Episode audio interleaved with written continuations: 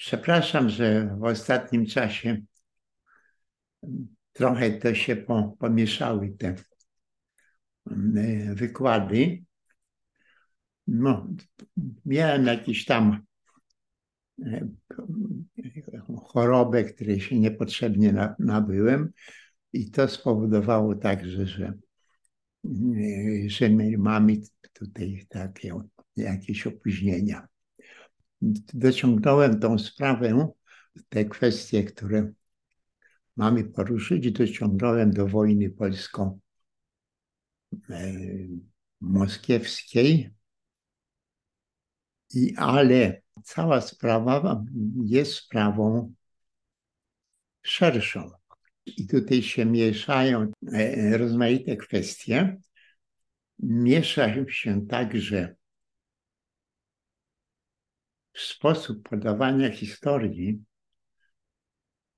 który jest inny w polskich warunkach, jest inny w Polsce, a jest inny w Rosji. Zresztą do dzisiaj. Od, od początków, od mniej więcej od początków XIX e, wieku, e, aż, aż do dzisiaj Rosjanie zaczęli się zajmować, jak sami stwierdzają naukowo, e, historią własnego państwa. To określenie naukowo jest bardzo naukowo jest bardzo często no, trochę takie przesadne, czy nawet więcej niż trochę. W okresie, który omawiamy, te różnice wynikające tylko z innego zapisu historycznego, inny jest zapis historyczny dokonywany w późniejszym państwie rosyjskim czy w państwie sowieckim.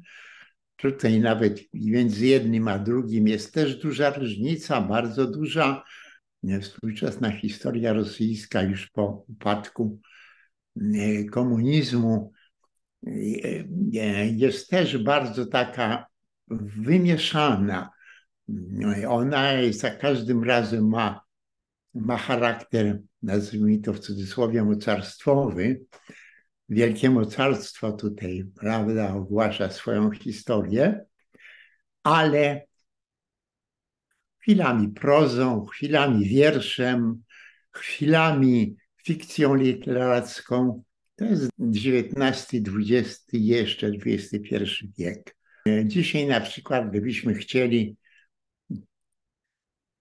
dowiedzieć się prawdy o e, wojnie rosyjsko-ukraińskiej, o ile chodzi o Rosjan, to właściwie nie, nie ma tam żadnych, żadnych informacji. W przeciwieństwie do e, Ukrainy, która udowadnia, pokazuje, że jest europejskim krajem, to w przeciwieństwie do tego mamy milczenie po stronie rosyjskiej. Nawet w jakichś takich bardzo, jak próba jakiegoś dziwnego zamachu stanu, który w ostatnich tygodniach miał miejsce w Moskwie przeciwko właściwie takiej armii zawodowej, wynajmowanej. Jej w międzyczasie jej e, szefa e, akurat zamordowano. To, ale nawet nie wiemy, jak to było, jak to wszystko wyglądało. A w szczególności nie wiemy, jak od wewnątrz przebiega e, historia rosyjska. Ale to nie jest nowość. Dlatego, że jeżeli sięgniemy na przykład do czasów późnego Aleksandra I, który znalazł, uznał potrzebę, e, e, żeby zacząć tworzyć historię rosyjską, to Wcześniej była, była historia cerkwi i zbliżone, natomiast historii państwa, historią państwa rosyjskiego nikt ani Wielkim Księstwie Moskiewskim, ani, ani w, w, później w Rosji poczynając od XIX wieku, to właściwie nikt nie przedstawia tej historii w taki sposób, żeby ona pasowała do innych historii. Wprawdzie tutaj będziemy mieli jeszcze jedną, jeszcze jedną taką niespodziankę, czy nawet jeszcze dwie niespodzianki. Pierwsza niespodzianka jest taka, że gdy, gdy car Aleksander I zlecił pracę nad, nad historią Rosji, to na przykład wykonywane to było prozą albo wierszem. Proza przeważała nad wierszem, ale co było prawdziwe w tej prozie, także w wierszu. A wszystko to było spod ręki jednego, jednego człowieka. Początkowo był tylko jeden historyk w Rosji, który zresztą wydał dwie doskonałe książki jeszcze w końcu, e, w końcu XVIII wieku. Dwie powieści o charakterze mniej więcej sensacyjnym, bardzo dobrym językiem, tylko językiem francuskim. I te książki to dzisiaj chyba są czyta, czytywane, ale głównie przez język francuski niby są przetłumaczone na, na rosyjski, tylko że e, bardzo trudno e, dotrzeć w ogóle do rosyjskich. Otóż twórca naukowej e, historiografii rosyjskiej, którą zaczął pisać na zlecenie cara Aleksandra I i pod koniec jego panowania, pisał to jako wybitny prozaik języka francuskiego. Zaczęło się od fikcji literackiej, właśnie tych dwóch sensacyjnych e, książek, a bardzo szybko zamieniło na historię Wielkiego Księstwa Moskiewskiego, nawet jeszcze szerzej, poczynając od starożytnych Rusów, od pierwszych, że tak powiem, władców ówczesnego państwa ruskiego, to jest duża różnica, zasadnicza nawet różnica, dlatego że państwo e, ruskie powstało na ziemiach słowiańskich, natomiast to, co, co nazywamy dzisiaj Rosją, powstało na ziemiach niesłowiańskich. To taka, taka mała różnica, ale różnica istotna. Ta pierwsza seria książek powstaje w bardzo dziwny sposób. Wie, znamy tą historię, w wypadku historię z małej litery, znamy te wydarzenia, e, które dotyczą tego okresu i znamy reakcję odbiorców. Znamy na przykład reakcję takich wybitnych e, e, odbiorców tej literatury rosyjskiej, tego, tego pierwszego dzieła, wielotomowego, ale pierwszego dzieła mm, pisanego przez prozaika, wybitnego prozaika i zarazem wybitnego poetę. I znamy i zachwyty ludzi nad tymi pracami. E, e, te zachwyty między innymi dotyczą Adama Mickiewicza i Juliusza Słowackiego. Nie było wtedy jakiegoś specjalnego, e, wyraźnego rozdziału między prawdą historyczną a prawdą wymyśloną, prawdą literacką. Jakkolwiek się, jakkolwiek się to pojawiało, no, pan Tadeusz przecież je opisuje w istocie rzeczywiste fakty historyczne. I to opisuje choćby, choćby panu Tadeuszu, ale nie tylko, no, w swoich wykładach paryskich i tak dalej, ze starannością dotyczącą prawdy historycznej. Natomiast to, czym się zachwycają, to nie jest, to nie wiadomo, czy to jest prawda historyczna, czy jest to, to prawda wymyślona. Jest to bardzo ważną, bardzo ważną kwestią, ponieważ w ciągu XIX wieku rozwija się historiografia rosyjska, przybierając charakter coraz bardziej naukowy, tyle tylko, że nie wiadomo, co jest prawdą historyczną, a co nie. Że nie wiadomo, czy ta prawda historyczna została poprawiona na inną trochę, czy nie została poprawiona, czy jest świeża. Zarówno pisarze języka rosyjskiego, jak jeszcze w owym czasie istniejący, dopiero później to się odrodziło, e, literatura ukraińska, e, to one, one jakby obydwie są obok siebie.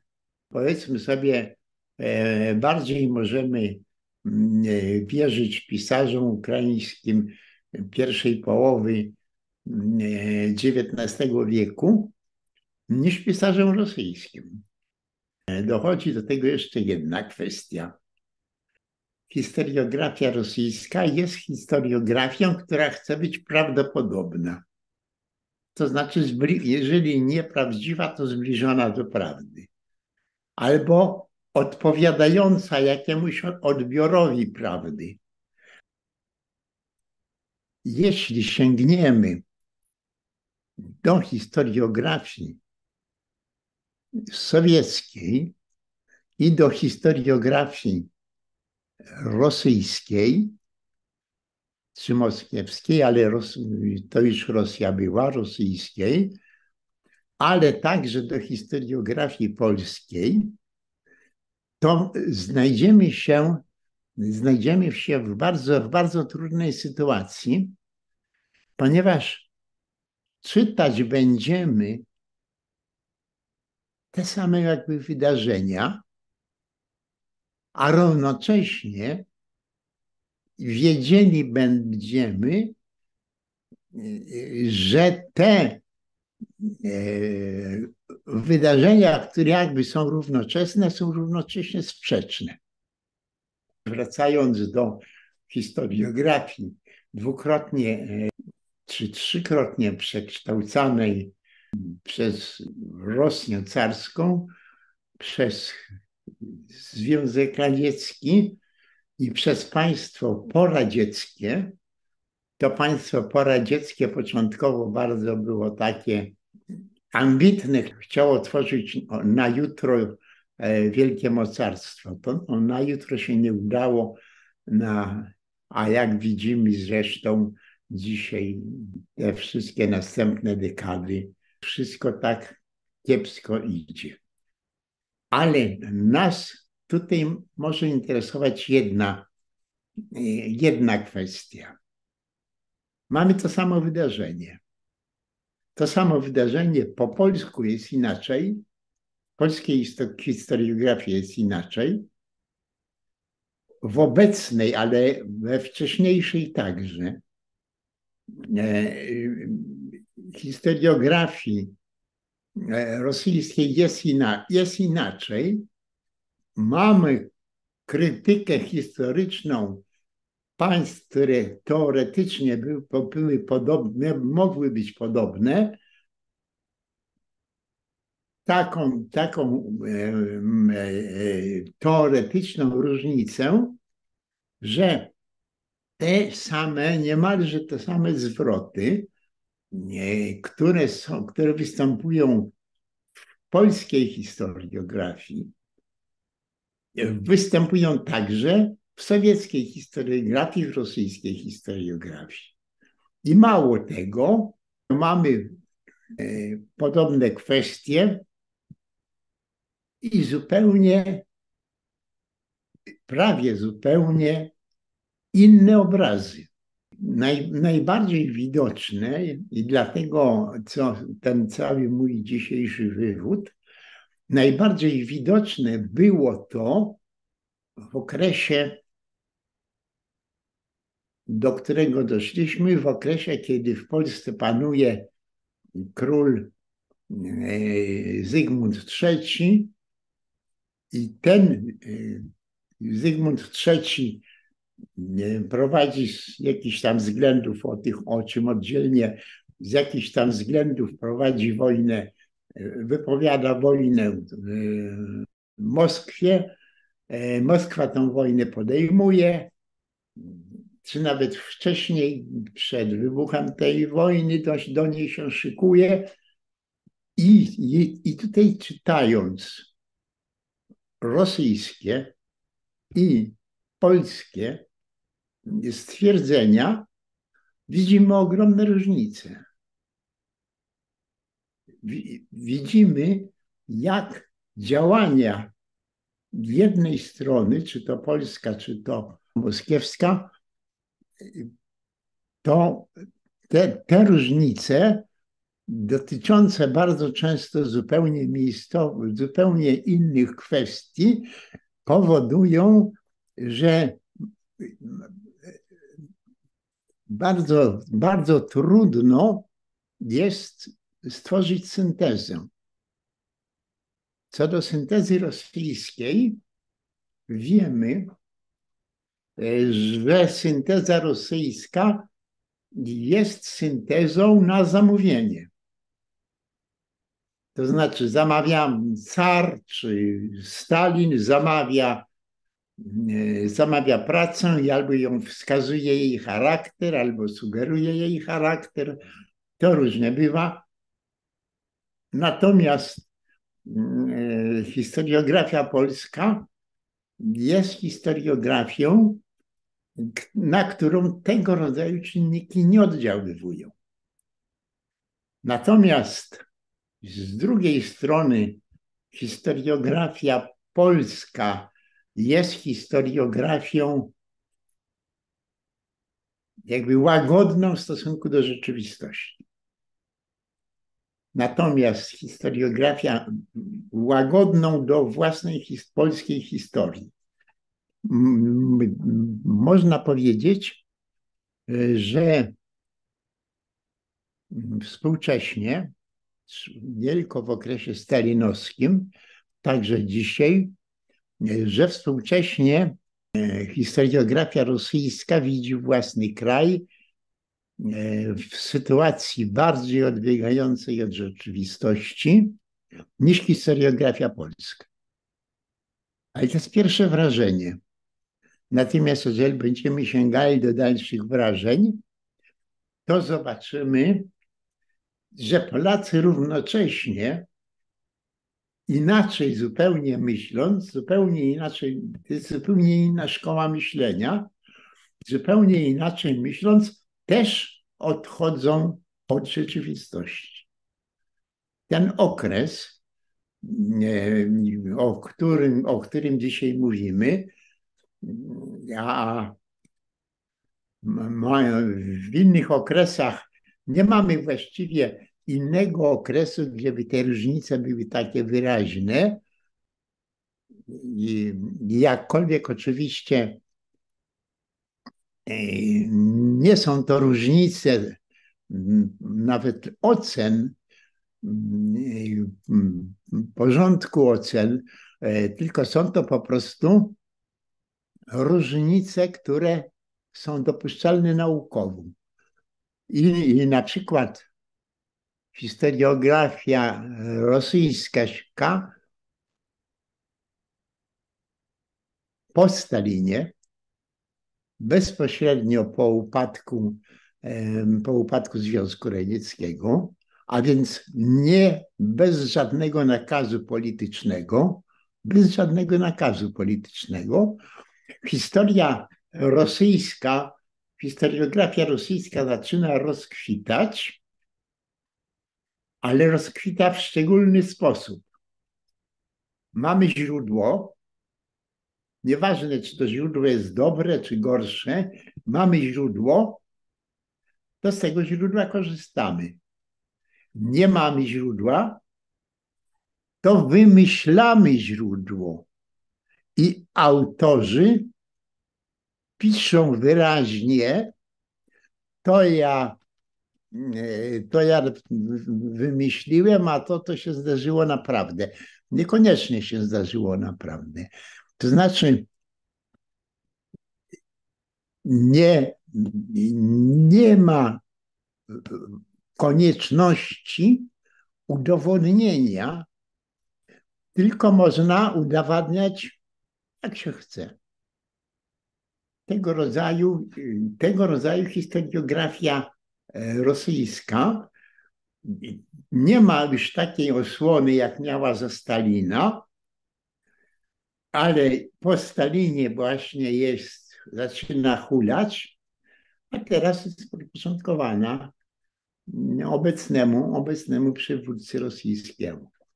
Natomiast po stronie drugiej, po stronie polskiej, jeżeli chodzi o historiografię polską tego samego okresu, to ona ocenia wydarzenia w Polsce, czy wydarzenia w Rzeczypospolitej obojga narodów, czy w państwie polsko-litewskim jeszcze wcześniej, albo ale przez całą właściwie historiografię, to przewagę mają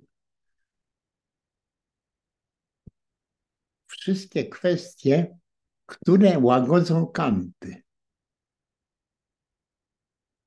Nie ma, jeżeli dochodzi do jakichś ostrych zdarzeń, jeżeli dochodzi, które osiągają jakieś tam efekty, to po prostu e, w naszej historiografii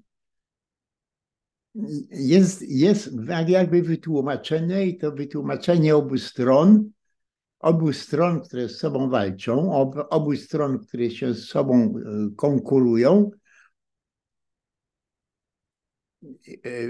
żeby niejako sprowadzić to do jakiegoś wspólnego mianownika. Ten cały mój dzisiejszy wykład ma właściwie na celu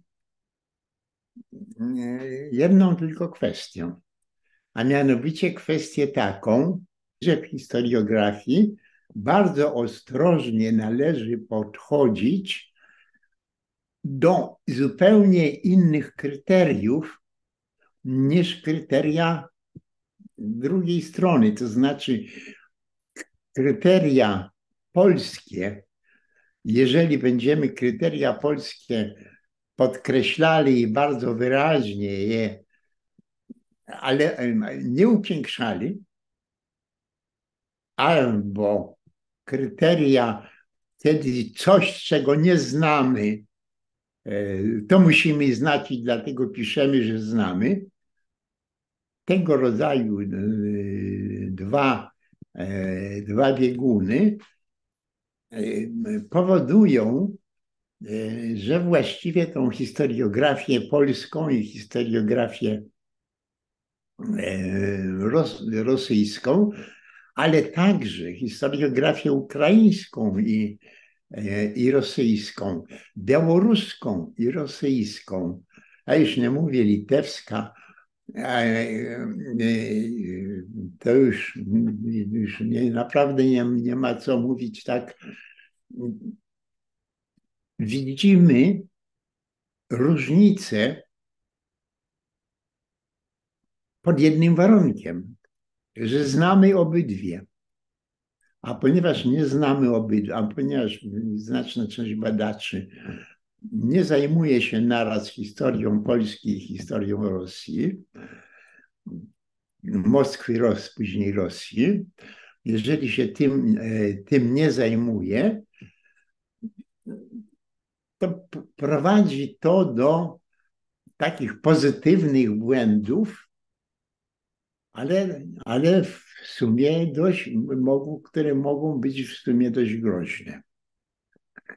Po prostu, jeżeli się nie docenia krytyki, to znaczy ostrego, ostrego bardzo podejścia, jeśli się nie, tra, nie, nie, nie jakby łagodzi kanty, to oczywiście wpływa generalnie na, na, na historiografię i siłą rzeczy szkodzi.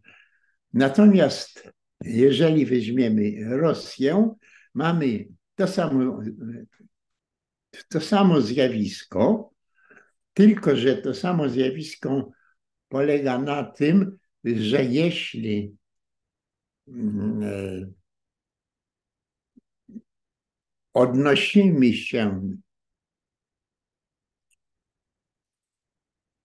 do tego państwa w taki sposób, że nie widzimy jego zbrodniczości w stosunku do Europy, jest to azjatycka złośliwość, jest to jak azjatycka przywara i czyny naganne stają się czynami pozytywnymi. A równocześnie jakoś się próbuje, próbuje te dwa spojrzenia, e, próbują one się jakoś tak trochę pomieszać i w następstwie i błędy, i przypuszczalne błędy, które występują w historiografii polskiej i przypuszczalne albo nieprzypuszczalne, tylko jaskrawe błędy, które występują e, w historiografii rosyjskiej, gdy zostają pomieszane przez historię. Historia Polski, historia e, Moskwy są te momenty, kiedy ta historia jest powiązana, połączona całkowicie. Do takiego okresu dochodzimy. To jest okres Zygmunta III, który rozpoczyna wojnę z Rosjanami. I Rosjanie wiedzą, że, że, je, że jeżeli oni tam będą podejmowali pewne działania, to o tym oddzielnie, jeżeli będą podejmowali pewne działania, to Polacy im wypowiedzą wojnę. Jest to jakby gra całkowicie jasna. Dwa państwa chcą walczyć z sobą i walczą. I teraz my, my to znaczy ludzie zajmujący się historią, stajemy w takiej sytuacji, komu wierzyć, co uznać za właściwe. I w naszych wszystkich podręcznikach będziemy mieli inny opis wydarzeń, inny opis oceny wydarzeń, inny opis występujących zjawisk, ale każde po obu stronach są dwa różne, ale one są inne.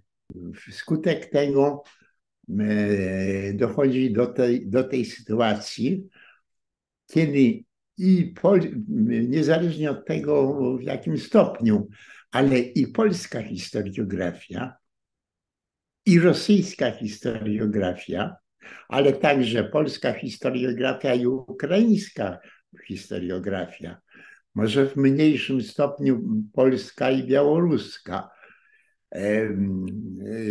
Szczegół aktualnie czyli w XX-XXI wieku, polsko-litewska to jest, jeszcze w XIX, w końcu XIX, to też jest, tak, to też jest tak, taki problem.